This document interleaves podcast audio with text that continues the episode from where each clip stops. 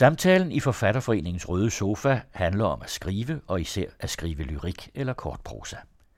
Gæsten er Louise Jul Dalsgaard, der har skrevet digtsamlingen Mit ønske om at dø er rent hypotetisk. Hej alle, og velkommen til Den Røde Sofa. Jeg vil lige præsentere interviewer og deltagere. Erik Schertz Andersen er en af fem redaktører på Slagtryk. Slagtryk er et nettidsskrift. Det er ham, der skal interviewe i dag. Slagtryk udgiver kortprosa og digte og har gjort det siden februar 2011. Louise, som er hovedperson i øh, Den Røde Sofa i dag, er født i 73 og debuterede i 2011 med tekstsamlingen Mit ønske om at dø er rent hypotetisk fra forlaget Jorinde og Jorinde.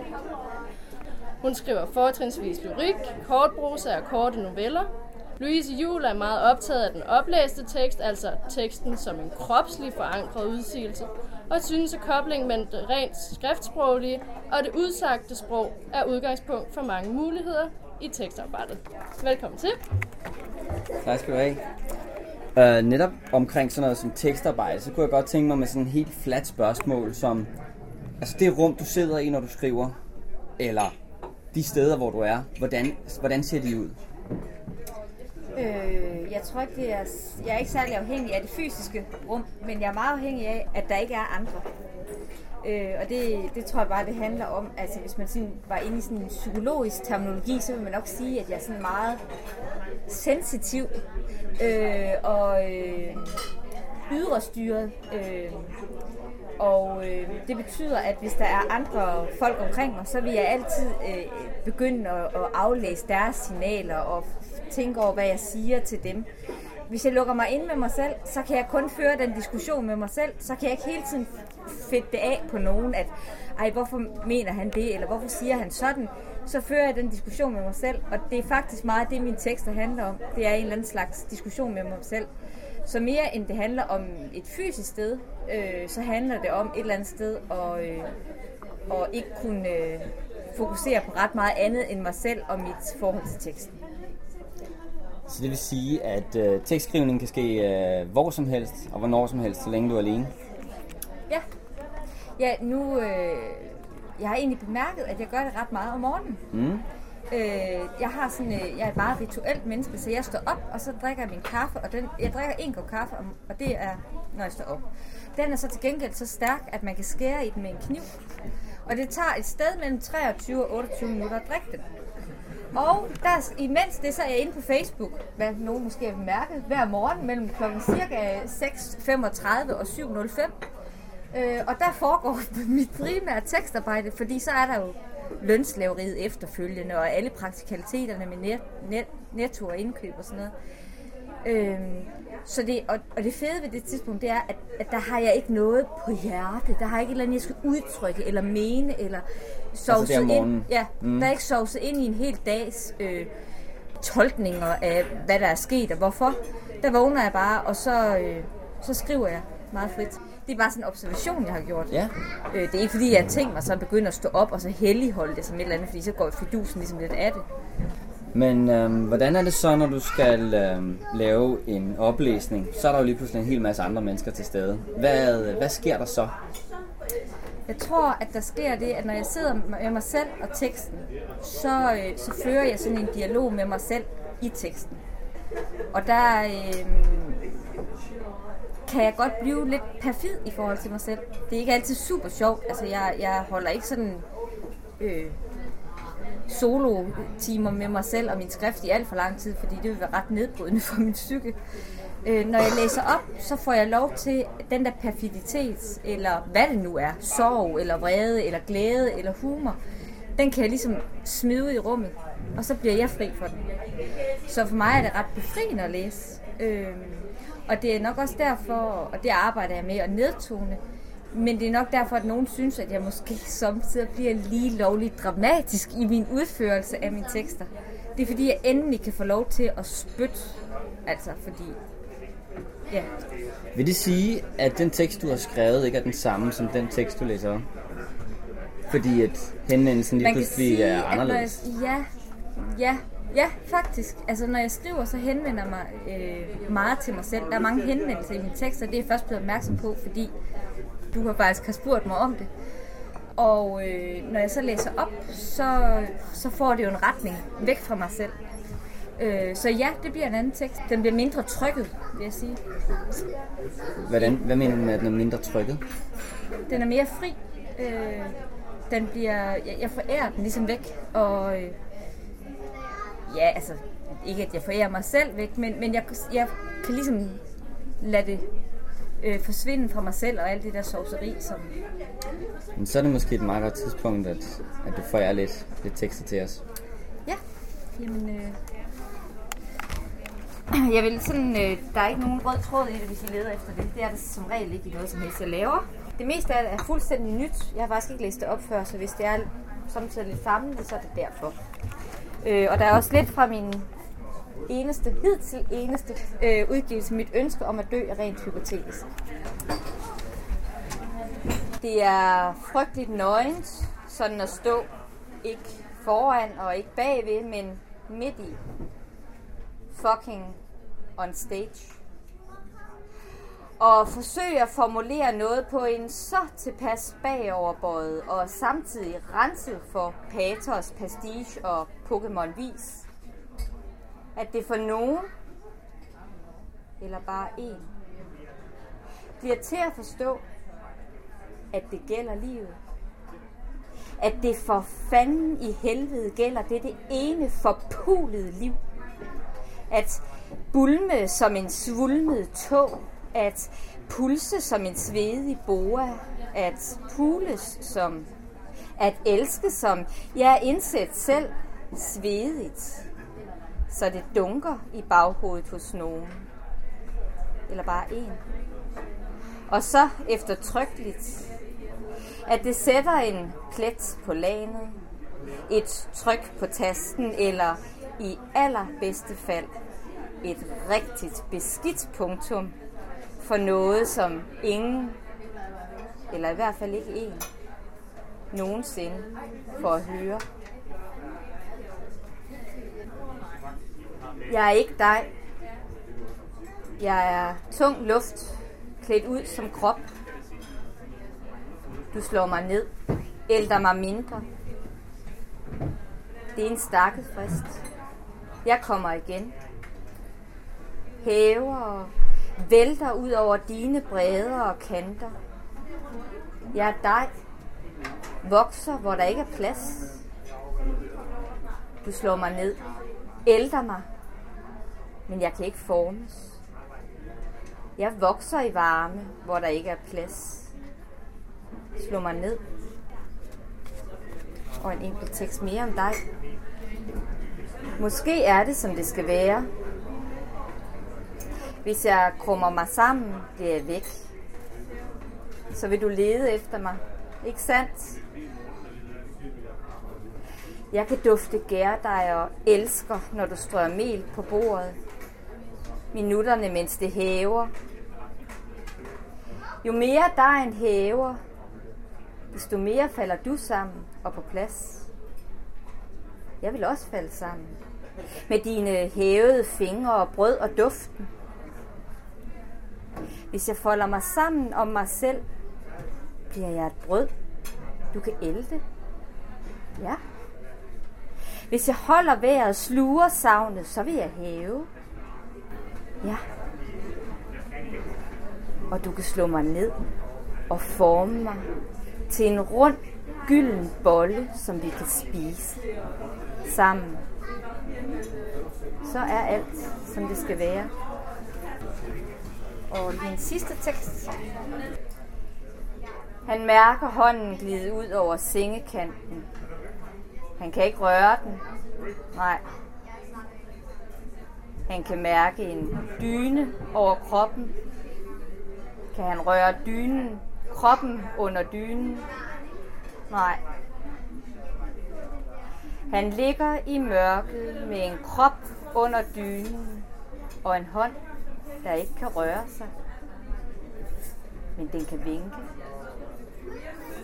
Kroppen ligger på langs, og mørket mærkes som en lodret klods. der holder ham fast mod lagen. Han kan ikke røre den kroppen. Nej. Men han kan bevæge mørket med den. Han kan lægge mørket ved siden af sig og se det krølle sig sammen som et lag.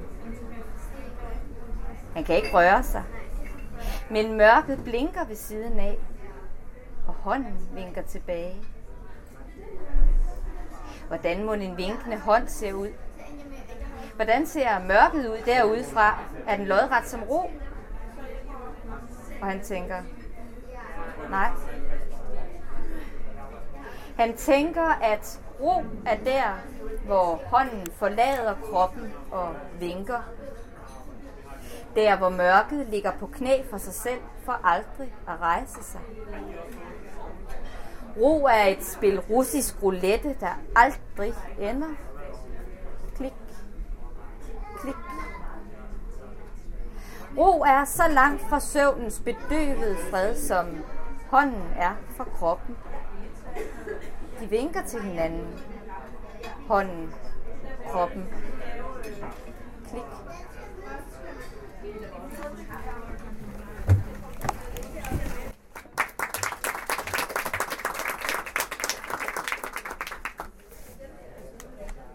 Hvordan har reaktioner normalt været på din oplæsning? Nu har du vel læst noget helt nyt op, øh, eller noget af det i hvert fald nyt i dag. Hvordan er reaktionerne normalt, når du øh, går ud og læser op? Meget stille. Det tror jeg mange kender. Man går ud og læser op og har en eller anden fornemmelse af, at man giver rigtig meget af sig selv, og så øh, smiler folk, og så går det. og, øh, og så står man der og tænker, måske var det godt, måske var det ikke så godt, men... Øh, og dem, ja, dem man kender, de plejer jo at sige, at det gjorde det da godt, og... Øh, mange af dem, der kommer, er jo også nogen, der selv skriver, så det er også sådan en balancegang af, at vi skal jo ikke, øh, vi skal jo ikke klappe hinanden for meget på skulderen, fordi det er næsten det samme som at sige, at man, øh, ja, at man sætter sig selv i baggrunden. Men øh, jeg tror, at man tit er lidt akavet. Jeg er også akavet, når jeg hører nogen læse op. Det, det, også fordi, det, hvis det virkelig virker, så er det, så er det ikke sådan en, en ubetinget oplevelse. Det er ikke sådan, man tænker, nej, hvor var det sjovt, eller nej, hvor var det fedt, eller man skal egentlig have det måske, eller også vil jeg gerne have det, men måske også har det en lille smule som om, at man føler sig lidt intimideret. At det har grænser til at være måske lidt for meget og lidt ubehageligt. Du vil gerne gå for tæt på, ja. du vil gerne gå tæt på de andre. Ja, Ja, det tror jeg faktisk. Jeg tror faktisk, jeg er lidt, altså, lidt grænseoverskridende. Det er jeg faktisk ikke i mit daglige virke. Jeg er sådan rimelig omgængelig. Men, øh, men jeg tror, i min skrift, så er det faktisk lidt øh, et behov for min indre grænseoverskrider at få lov til at bolde sig lidt. Jeg oplever ofte, at forfattere de øh, kan være ekshibitionistiske, altså de har et behov for netop at, at se, hvad det er, de har, har skrevet. Uh, der, og det gør jo netop, at der er en vis fremdrift til, at man netop kommer ud. Men der kan også være den modsatte ting, der holder folk tilbage, at de netop kan være forfængelige omkring deres ting, og de faktisk ikke synes, at det er ikke helt godt nu, jeg skal lige skrive lidt videre og sådan noget. Er det noget, du kan genkende i dig selv, den ene eller den anden? Øh, du har faktisk stillet mig spørgsmålet, om, øh, om jeg synes, jeg er forfængelig. Og øh, jeg vil sige, at øh, jeg ved ikke, hvad jeg normalt bruger min tid på. men den sidste måneds tid har jeg i hvert fald brugt meget på at tænke over, om jeg er forfængelig. Øh, og jeg ved ikke hvorfor, og det i sig selv er jo ret interessant. Der må være noget frygteligt skamfuldt over at være forfængelig. Øh, for mig. Øh, jeg er skrækkelig forfængelig. Men jeg er desværre også en suske, og jeg er meget effektiv, og jeg er meget bekræftelsessyg. Og det vil sige, når jeg har skrevet noget, som jeg tænker, ej, det er da helt vildt godt, eller sådan noget, så trykker jeg send. Og så vil jeg egentlig helst have, at alle folk, de, de klarer mig på skulderen, eller siger, nej, hvor var det godt, eller bliver rørt, eller et eller andet. Altså, jeg er meget bekræftelsessyg, og der vil jeg virkelig ønske, at jeg havde evnen og roen og øh, selvtilliden til at sige, ved du hvad, øh, det lader vi lige ligge et halvt års tid, og så nørser vi lidt og pusser lidt. Jeg vil sige, når jeg nu læser op, så er der mange steder, jeg kan høre, okay, den der linje, det, det, det var lige en kage på kage, som min mand han plejer at kalde det. Altså når vi egentlig har serveret på enken, og så forklarer vi den også lige bagefter. det bliver man meget øh, opmærksom på, når man læser op. Så på den måde er det fint nok, at jeg prøver dem af der, men, men i forhold til for eksempel en blog, det kommer ud, når jeg skriver. Og, øh, og det er måske dumt, måske har jeg serveret for mange pointer, måske har folk læst det, hvorfor skulle de så læse det i en bog, for eksempel, hvis jeg nu var så heldig at udkomme med endnu en bog, ikke? Så, så det er en balancegang. Så det vil sige, først er du ekshibitionistisk, fordi at du virkelig gerne vil have dine ting ud. Du, øh, Ja. du trykker bare send, du tænker måske ikke rigtig over konsekvenserne. Men så siger du nu også, at du er, du er forfængelig. Hvordan kommer det til udtryk så i forhold til enten din oplæsning, eller i forhold til de tekster, du skriver? Det er meget vigtigt for mig, at det, at det er sprog. Altså, på den måde er jeg lidt en snop. Altså, jeg bliver meget... Øh, jeg bliver faktisk intimideret, når folk bagefter fortæller mig, at du er god nok, Louise. Det er du altså. Man skal sige det. Der, der er masser af kærlighed og masser af omsorg i det, men, men jeg har ikke brug for terapi på mine tekster. Så på den måde kan jeg godt blive lidt en snop. Altså der kan jeg godt blive sådan lidt, kan vi ikke godt holde tingene adskilt? Øhm, og det er klart, der renser jeg på en måde mine tekster for mig på en lidt kunstig måde. For selvfølgelig handler mine tekster der om mig. Et eller andet sted, eller om... Øh, men, men jeg vil godt holde tingene adskilt. Øh, måske kan jeg på den måde, i forhold til mange nyere digter, som jeg også følger meget på nettet, og som er mere sådan øh, name dropper i forhold til tv-serier og sådan noget. Nu er jeg også utrolig dårlig til at, at holde min opmærksomhed fanget på tv-serier. Så jeg når aldrig at fange, hvad de hedder hovedpersonerne og sådan noget. Men, men, men de, er, de kan måske virke mere all-round, hvor jeg nok virker mere klinisk. Hvordan klinisk? Ja, men nu er jeg jo sådan en, altså det der starter med en side, det skal helst, altså det, det ender altid som to ord. Jeg skal, øh, så, så jeg renser nok meget for, jeg, jeg tror det er meget stramt. I hvert fald det, der kommer på bloggen samtidig. Ja, det ved jeg ikke. Måske bliver jeg i tvivl. Det er okay. Hvorfor spørger du? Du må, have, du må jo have en grund til, altså det må, der må være et eller andet, der alligevel Du har selv brugt ordet klinisk, og i stedet for at jeg forklarer, hvad ordet klinisk er, så vil jeg hellere have, at du Ja. forklarer det. Ja. Det var derfor, jeg måske Okay. valgte at, Okay. at dreje det sådan. Så- Der, er der kan jo være mange måder, hvordan, man opfatter klinisk. Klinisk kan være sådan krom og minimalisme. Klinisk kan være hospitaler, og så begynder man pludselig også at få andre konnotationer Ja. på det. Øh, klinisk kan også netop være den der, du renser dig selv fra at være til stede i teksten, Ja. men på en eller anden måde siger du stadigvæk, at du er til stede i teksten. ja, Kan man stille sig op og læse op, uden at være til stede? Er mit næste spørgsmål så. øh, Altså, hvordan er du til stede så i teksten, når du så læser op? Eller er du det? Øh, ja. Altså, jeg er mere til stede i teksten, når jeg læser op. Helt mm. klart. Mm. Øh, jeg er jo... Hvad skal man sige? Det er, jo, det er jo lidt ligesom, hvis du har skrevet en symfoni. Altså Mozart, vi ved alle sammen, det er Mozart, der har skrevet det her værk, og vi anerkender ham for, for den der musiske øh, genialitet, han har. Altså, jeg får ikke ret meget ud af at læse et partitur. Jeg siger ikke, det er det samme, når man læser, men det er to forskellige ting. At når du hører musikken udført af hvad, enten det er øh, to forskellige dirigenter, eller øh, det er øh, to forskellige genrer, at det er udsat for en rockmusical eller et eller andet, så får du bare noget helt nyt. Og, og jeg synes egentlig, at, at det er ikke fordi, at jeg ikke, øh, der er noget utroligt interessant ved, øh, ved skrift. Og jeg elsker skrift, og jeg elsker at få mine bøger i fred. Men jeg synes også, der er noget rigtig interessant i at læse op. Og, og mange står af på, at de siger, at vi kan ikke nå at følge med, og, og, og det er ikke... Øh, og jeg tænker, kunne man ikke bare læse sig tilbage? Når jeg hører et stykke musik, så sidder jeg ikke og tænker, øj, nu er jeg kommet til B-stykket, øh, fjerde strofe, og nu skal den modulere til et eller andet. Altså, der, der sætter jeg mig ned og mærker og lytter og slapper af og tænker, øj, hvor er det her en oplevelse. Og det samme håber jeg lidt, når jeg læser op. Altså, det er jo ikke fordi folk skal forstå det, hvis der er noget at forstå. De skal have en oplevelse ud af det, de skal kunne mærke det. Og, derfor så synes jeg, at der, den musiske udførelse af en tekst er slet ikke uinteressant. Kan det være, kan det være angstprovokerende at stå op og på den måde øh, ligesom stå fast på det her, det har man lavet, og det øh, giver mening at forstyrre øh, mindst alle dem, der er her i dag, og andre gange, hvem der ellers er der. Altså tag, tag folks tid. Er det angstprovokerende? Det er ikke angstprovokerende, det er, men bagefter kommer jeg altid i tvivl om, om jeg er for svulstig, om jeg er for meget, om jeg er klam, og om jeg er, altså, det, og det er fint nok, altså det tror jeg, man skal. Jeg tror også, det er sundt nok, at man har den der, okay, altså, lidt mindre Louise og lidt mere tekst havde måske været på sin plads. Det er fint nok at, at hele tiden have den overvejelse, ikke? Men jeg er, nok, jeg er ikke sådan, jeg er ikke bange for at, at læse op. Jeg vil ønske. Altså, jeg, jeg kunne godt tænke mig at være sådan en lille bly viol, der sådan fik rødmende kinder og hektiske pletter og sådan noget. Det, men det er jeg altså. Hvorfor kunne du godt tænke dig det modsatte? Er det græsset er grønnere på den anden side? Det er fordi, det er mere feminint, og det er, øh, det er ikke dig. Dig, det er sådan noget, der hæver og vælter ud over alle bredder og kanter, slet ikke kan stoppe. Og lige pludselig, brrr, altså har man ikke bare 8 boller, så har man 500 boller, og man er ved at brække sig alle de boller, ikke? Og det er lidt det samme, at jeg har med, at jeg kunne godt tænke mig at være sådan en lille surdej, som, som bare er inde i, inde i køleskabet, og så, så skal man bare have en lille bitte smule i, og så skal man vente, og så, så bliver det til sådan et lille lækkert, velduftende rugbrød. Men jeg er bare en bolle.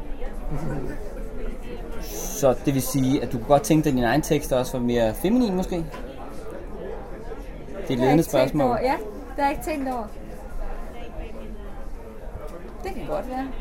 Det kan godt være, at... Øh... Altså, jeg er jo egentlig mere... Jeg synes jo, jeg er frygtelig feminin. Ja. Ja, det synes jeg også. Nå. Nej, men øh, måske... Altså dine tekster? Ja. det er godt, fordi jeg tingene på plads her, Erik. Jeg tænker ikke, altså det, det betyder sgu ikke så meget, om de er feminine eller om de er maskuline. Jeg tror faktisk, der er meget diskussion i mine tekster mellem mit feminine og mit maskuline jeg. Der er meget den der mellem det er meget følsomme, og der hvor det, øh, det er bekræftelsessyge, og så den der, der siger øh, den rationelle, øh, mere sådan, ved du hvad, prøv lige at høre, du kan ikke forholde dig til noget, du ikke ved, hvad er. Det er faktisk altid på spil i mine tekster. Det, det er masku- ja, det er jo utroligt, hvad du åbenbarer for mig her, Erik. Jeg tror altid, jeg har en ja. Jeg tror faktisk altid, jeg har en lille diskussion mellem øh, her, her Jul Dalsgaard og fru Jul Dalsgaard. Ja, det tror jeg. Nu taler du meget om, at du diskuterer lidt med dig selv i dine tekster. Men øh, hvad betyder læseren for dig så i virkeligheden bagefter? Tænker du undervejs på det, eller tænker du på det bagefter? Hvor er læseren henne? Læseren er meget konkret for mig. Ja, Det er meget et menneske. Det er faktisk noget, altså der, der kommer nok det feminine frem. Jeg vil meget gerne røre nogen. Det er måske også det grænseoverskridende i mig. Ikke? Eller det grænseoverskridende i, i den måde, jeg skriver på. At, øh, at, at jeg har ikke lyst til at imponere nogen. Jeg har ikke lyst til, at de tænker, hold da op, og hun har godt nok sin litteraturhistorie i orden.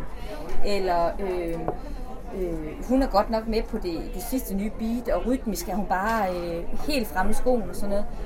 Det betyder noget for mig at blive genkendt. Og du kan kun blive genkendt, hvis nogen også kan genkende sig selv. Altså, der, den går to veje en genkendelse, ikke? Og det, det ved jeg godt, det er, ikke, det er ikke specielt skarpt sådan i litterære kredse at sige sådan noget. Men, øh, men det er jo ærligt. Altså, og, øh, så læseren for mig er, er faktisk meget en. Altså et menneske. Fordi man kan kun røre, altså jeg, medmindre man er folkeforfører, så kan man ikke røre masserne som sådan, vel? Øh, øh de vil meget gerne sidde og kigge ind, ind i øjnene og, uh, og, øh, og fortælle den. Og det kan godt være, det er derfor, jeg gerne vil læse op. Det er et eller andet forsøg på netop at nå det der menneske. At det ikke bare er noget, der er trygt i en bog, men at jeg når ud.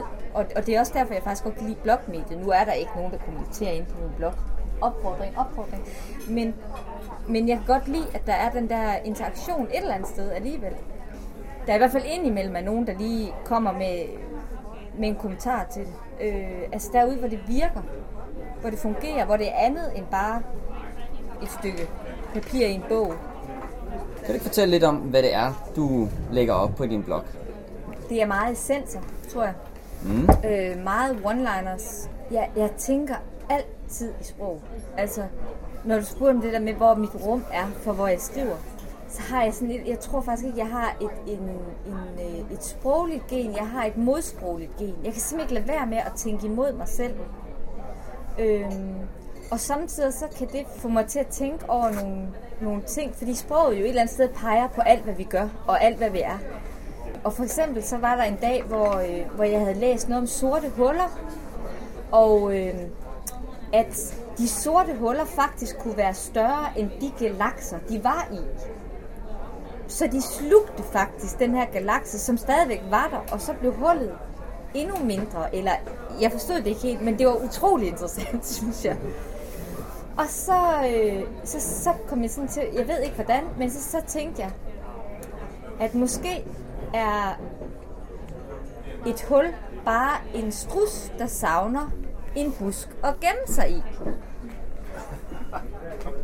Og sådan noget kan jeg godt lide. Og det er sådan noget, der kommer op på min blog. Altså det er det der med, at, at, at måske så er et sort hul bare et sted, der er så sort, så det kan ikke finde nogen steder at gemme sig. Og så derfor så, så kalder det sig et hul. Eller sådan. Altså jeg ved ikke.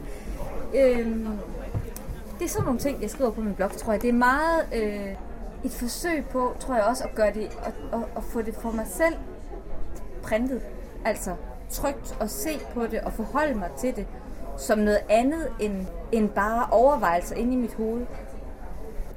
Og så bruger jeg den vel også i et forfængeligt, apropos, håb om, at nogen synes, at det er spændende at læse. Men det er da et eller andet sted en slags åben bog, kan man sige det. Altså en proces, og så plukker jeg faktisk noget af det. Altså når jeg så prøver at lave et færdigt manus, så er det nogle af de ting måske, der har været derinde, eller også tager jeg noget af det, der har været derinde, og arbejder videre på det, sætter det ind i en sammenhæng, som så afføder nogle nye tekster, fordi jeg faktisk genlæser noget derfra. Altså, altså du må slet ikke spørge mig om, hvad jeg skulle gøre, hvis jeg ikke havde den. Fordi det er sådan et sted, hvor jeg parkerer en masse ting, og så kan jeg gå på arbejde. Så kan jeg sætte mig ind i min lille nye bil, og så kører jeg derind, og så tager jeg telefonen og moving det Louise, goddag, og sådan noget. Og så er, det, så er det et andet sted, altså alt det der. Det er parkeret imens. Hvad er forskellen, jeg kan stille flere spørgsmål på det, men jeg tager den ene vej først. Hvad er forskellen på din blog og din skrivebordsskuffe? Eller det, der bare ligger på computeren, eller hvor du nu skriver? Det er overskueligheden og mængderne.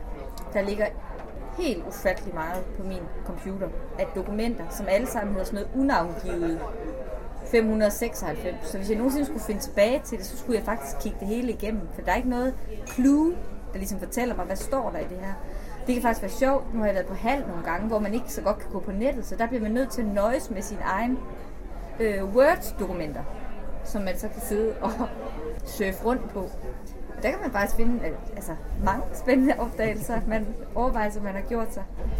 Bloggen er mere, helt klart mere færdig. Hvis man nu siger, at jeg, jeg skriver måske, det ved jeg ikke, 7-8 sider hver dag, og det skal ikke imponere nogen, fordi det er ikke hvad hedder sådan noget, publicerbart ret meget af det. Det er virkelig noget arvet lort, men det skal bare ud, ikke? og det er fint nok. Og så kommer der måske en enkelt skør vending ind imellem. Og det er den, der kommer på bloggen. Og jeg kunne godt tænke mig at være mere sporadisk. Eller sådan. Altså, der må godt være længere imellem. Det er igen det der med den lille bly viol. At jeg tror, at folk synes, det er mere interessant, hvis det virker som om, okay, det er to uger siden, nu kommer der noget.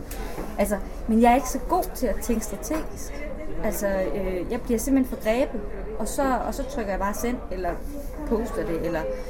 Øh, og jeg ved godt, at, at det er markedsføringsmæssigt ikke, det er ikke altid hensigtsmæssigt. Men, men sådan er det.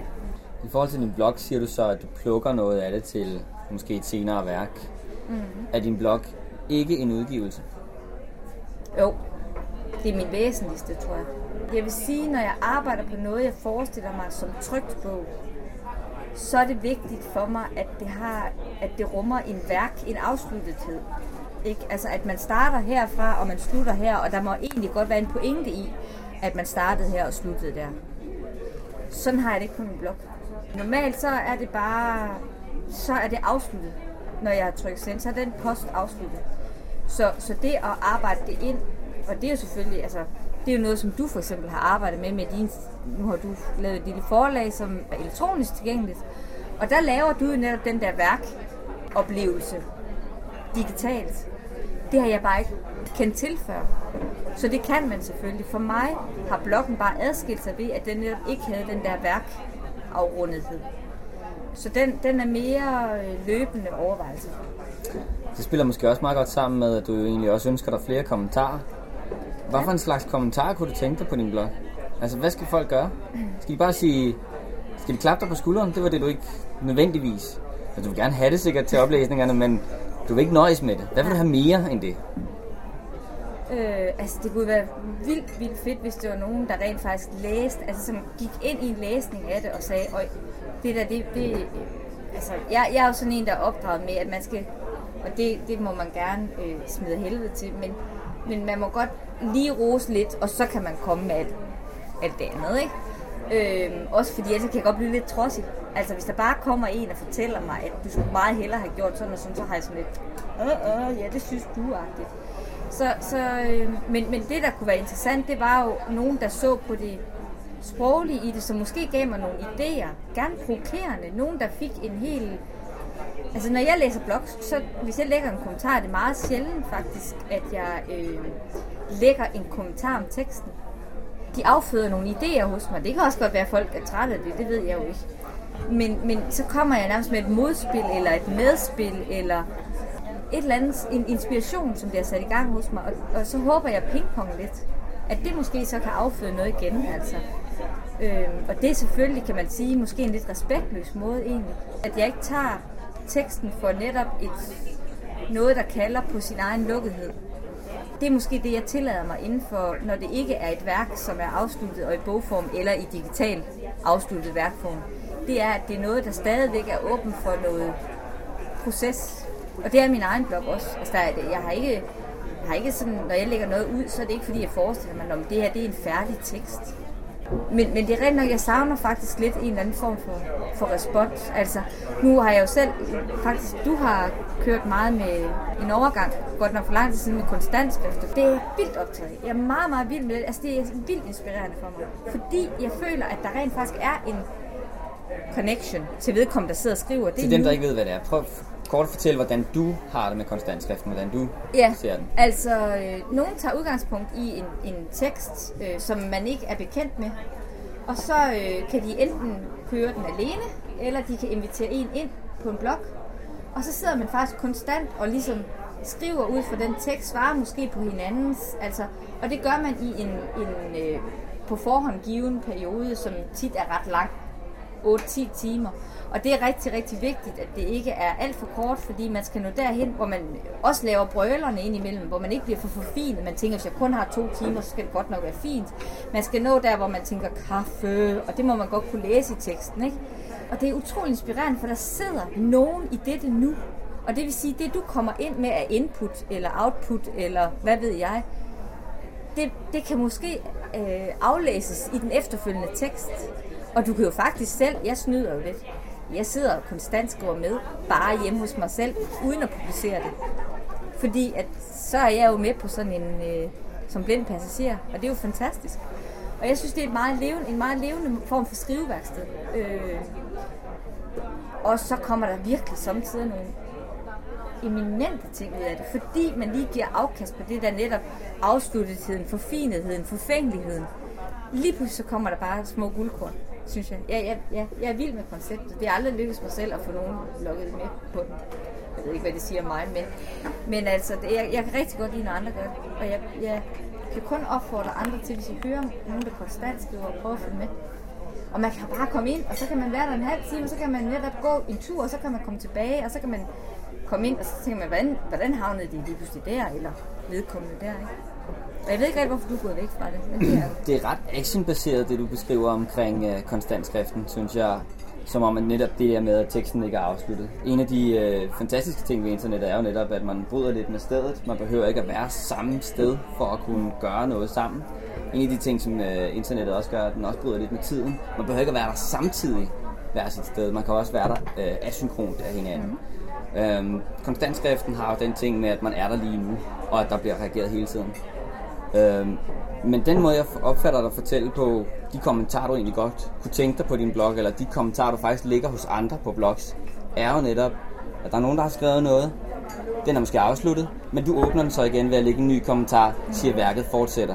Mm. Har du selv overvejet, om, om du i virkeligheden skulle åbne din, er, er dine tekster for lukket til, at man kan skrive videre på dem? Hvad kan man gøre for at åbne dem, sådan så at, at folk skriver videre på det? Øh, nej, det har jeg ikke overvejet før nu. Øh, men det er nok det der kliniske. Det kan godt være, at jeg virker sådan lidt afsluttet. Jamen, måske skal man eksplicit give udtryk for det på en eller anden måde.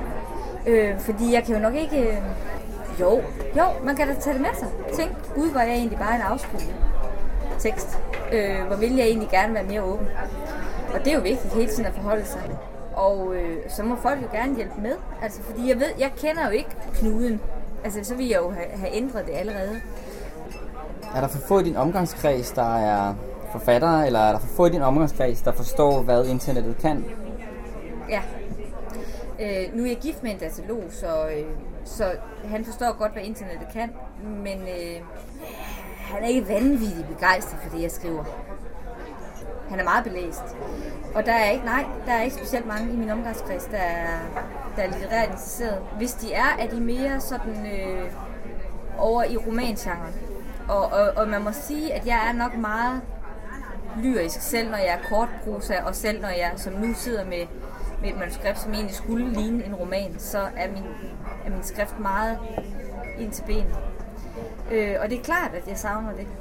Ja, så bor jeg i Skanderborg, og jeg er aldrig med til nogen arrangementer, jeg er ikke hip med de hippe, og ja, så, så men, men det er jo bare et spørgsmål om at være, være nok, nok dig, hæve nok ud over alle bredder og kanter og bare kaste sig ind i kampen. Men jeg vil da helt klart tage det med mig, det der med, at, at jeg er måske lidt lukket. Er jeg det? Det, er, det kan både være godt og, Ja. ja. og hæmmende. Det kommer an på, hvad man gerne vil Ja. med, sin, øh, med sin skrift. Og man kan sagtens være lukket, og, og så er der andre lukkede systemer, der også ligesom klasser mod hinanden. Så det var Ja. ikke en, Ja. ja. Nej. det var ikke en retning, jeg pegede. men det er interessant. Altså, det er interessant. Og, og når du siger det, så tænker jeg, så bliver jeg lidt provokeret af det, fordi jeg kunne fanden, at jeg lukker. Altså, og, og hvis, hvis jeg bare jeg kunne bortforklare det, nej, det, det forstår jeg ikke. Jeg mener faktisk, at sådan sådan. Men jeg, jeg er nok, og det har også noget at gøre med det kliniske. Det kan godt være, at det virker meget barberet, og så tænker folk, øj, det er skåret så meget ind til benet, så nu kan vi ikke andet end at koge suppe på det, skulle jeg så sige. Altså, øh, det kan godt være, det er et problem, men det er jo også min stil. Det, ja, det er sgu svært. Men øh, altså, livet ligger jo foran mig, så der er jo ikke andet at gøre, end at proppe lidt mere på sidebenene, så Jeg kunne godt tænke mig at springe lidt hen til, øh, hvor du finder din inspiration hen. Altså, jeg har jo det problem, at jeg bliver vanvittigt lidt inspireret. Altså, jeg bliver også meget nemt påvirket af andre stil. Men det var ikke så længe. Altså, hvis man læser mine tekster, så, så er de meget min stil. Men, men øh, faktisk er det et problem, at, at jeg har købt rigtig mange digtsamlinger på det seneste, og jeg kan simpelthen ikke få dem læst. Fordi når jeg kommer fem linjer ned, så tænker jeg, jamen det er jo genialt, og hui, og så skynder jeg mig hen til min computer og skriver noget, ikke? Fordi jeg bliver så inspireret. Jeg, altså jeg læser meget dansk, og jeg læser meget lyrik, og, og kortprosa, og Har du lyst til at nævne nogle navne og nogle øh, udgivelser? ja, ja. Altså jeg synes jo, Ursula Anker Olsen er fantastisk. Øh, jeg kan, måske er det fordi, hun er så lidt mig. Hun hæver og vælter ud over alle bredere kanter, men hun gør det. Og hun plapper løs, og den får ikke for lidt, og jeg synes, det er fremragende. Og så er hun sindssygt intelligent, altså, og det synes jeg bare er altid sjovt. Øhm, ja, så har jeg lige læst øh, Daniel Dalgaard. Og øh, selvom jeg godt kan se, at det er meget sprogligt øh, funderet, så kan jeg læse nogle andre ting i det, som nogle overvejelser, som, som rammer enormt meget plet på, på de overvejelser, jeg også går rundt med. Så er jeg forelsket i Asta Olivia Nordenhoff. Altså, jeg synes simpelthen, at hun, øh, som jeg vist skrev en gang, skriver virkeligheden ud af bukserne. Altså, jeg synes, det er langt mere interessant at læse hende, end det er at gå ud i verden. Jeg tror ikke, jeg skal nævne den sidste, som også inspirerer meget for ikke at intimidere nogen. Men der er mange, der inspirerer mig. Mm. Når du nævner Asta Olivia, øh, hvad er det så, der gør, at hun skriver virkeligheden ud på en anden måde, som andre måske ikke gør for dig? Det er jo, at hun øh, ikke virker forfængelig. Mm-hmm. At det, øh, hun er også næsten intimiderende i sin ærlighed. Og så, at man altid er i tvivl om, sidder hun egentlig og, og, og fortæller os om sin hverdag og sine problemer, og er det egentlig relevant, om hun gør det? Fordi det, der står her, det er en tekst, og det er det, jeg skal forholde mig til. Ikke? Øh, så hun, hun bryder lidt grænsen ned mellem det der med, hvad er tekst, og hvad er mig. Øh, og den der grænseoverskridende kan jeg faktisk rigtig, rigtig godt lide. Jeg synes, den er rigtig spændende. Øh, og i hvert fald rammer hun mig. Måske skal jeg heller ikke sidde og prøve at forstå, hvorfor hun rammer mig, fordi det gør hun bare. Jeg ved ikke, om det er blevet tid til, at du måske læser lidt mere op her til sidst, som en afslutning. Jo, det gør jeg gerne. Det strejfer mig, at du er en dråbe. Jeg mærker fugten i luften og ved, hvem du er. Glem ikke, at jeg er en ulv, en strejfer. Jeg er ikke ond. Det er blot min natur at nedlægge byttet. At æde mig vej gennem ubeskyttet vildt for at leve. Du tror, du kan se mig i øjnene og genkende. Se noget mere. Du tager fejl. Mine øjne er gule, ikke er lys, men er mørke. Der er plads til alt i dem, også dig. Jeg vil se dig, stjæle dit billede og dele det i tusinde pixels. Du vil ikke være andet end sort-hvide prikker. Prik, prik. Så kan jeg sætte dig sammen, som jeg vil.